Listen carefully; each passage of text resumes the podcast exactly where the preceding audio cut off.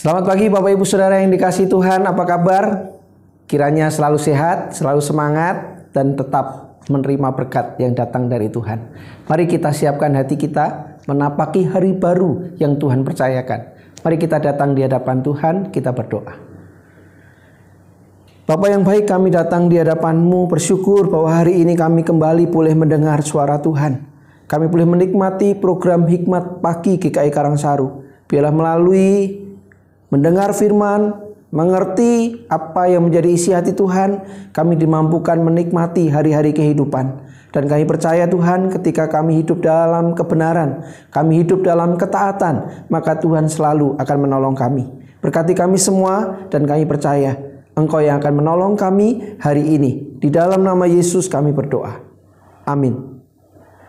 Bapak Ibu Saudara yang dicintai Tuhan, tema hikmat pagi kita hari ini adalah tinggal di dalam aku. Kita akan membaca Injil Yohanes pasal 6 ayat 56 sampai 59. Namun kita akan fokus di ayat 56 dan 57 saja. Injil Yohanes pasal 6 ayat 56 dan ayat 57 demikian. Barang siapa makan dagingku dan minum darahku, ia tinggal di dalam aku dan aku di dalam dia. Sama seperti Bapa yang hidup mengutus aku dan aku hidup oleh Bapa. Demikian juga barang siapa yang memakan aku akan hidup oleh aku. Berbahagia setiap kita Bapak Ibu Saudara yang membaca, merenungkan dan melakukan firman-Nya. Haleluya. Bapak Ibu Saudara yang dicintai Tuhan, ada istilah yang sangat dikenal terutama di dunia politik, yaitu tidak ada kawan dan lawan abadi. Yang ada hanyalah kepentingan yang abadi. Maka tidak heran jika dalam tahapan pemilihan kepala daerah anggota dewan maupun pemilihan presiden dan wakil presiden ada partai-partai politik yang tampak berseberangan tiba-tiba membangun koalisi. Ada pula tokoh-tokoh politik yang pindah partai karena sudah tidak sepaham lagi. Kepentingan memang menjadi tolak ukur sebuah perjuangan dimulai dan berusaha dimenangkan. Jika sudah berbeda kepentingan, maka lawan bisa menjadi kawan dan kawan bisa menjadi lawan. Ketika berbicara tentang kepentingan, semua orang atau komunitas pasti mempunyai kepentingan, baik kepentingan yang bersifat positif maupun negatif. Lalu bagaimana dengan gereja? Apakah sebagai komunitas tidak memiliki kepentingan? Gereja pasti punya kepentingan terutama kepentingan yang bersifat spiritual, positif dan membangun. GKI dalam segala lingkup perlu hati-hati dan waspada dengan kepentingan-kepentingan yang digagas dan diperjuangkannya. Ada berbagai tradisi, suku, budaya, potensi dan keunikan yang dimiliki GKI sehingga akan sangat rawan dengan adanya kepentingan-kepentingan yang berbeda. Bagaimana cara merawat keragaman yang ada dan mengupayakan kepentingan bersama di GKI. Semua warga GKI wajib memperhatikan dan mengamalkan perintah Tuhan Yesus ini.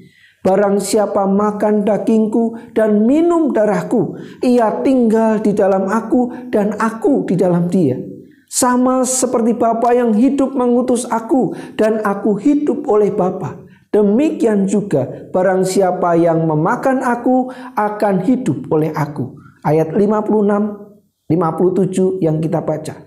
Artinya kepentingan GKI dalam setiap lingkupnya adalah Tuhan Yesus saja.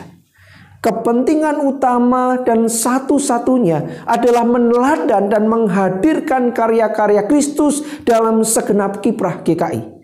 Semua keragaman, dan kepentingan yang berbeda di GKI harus bercermin kepada kehendak serta kepentingan Kristus. Jika Tuhan Yesus menjadi patron abadi GKI, maka segala keragaman dan kepentingan tidak menimbulkan permusuhan, melainkan menjadi kolaborasi yang saling menguatkan serta mempersatukan. GKI, Gereja Kristen Indonesia, ingin kuat dan terus bersatu tinggal di dalam aku.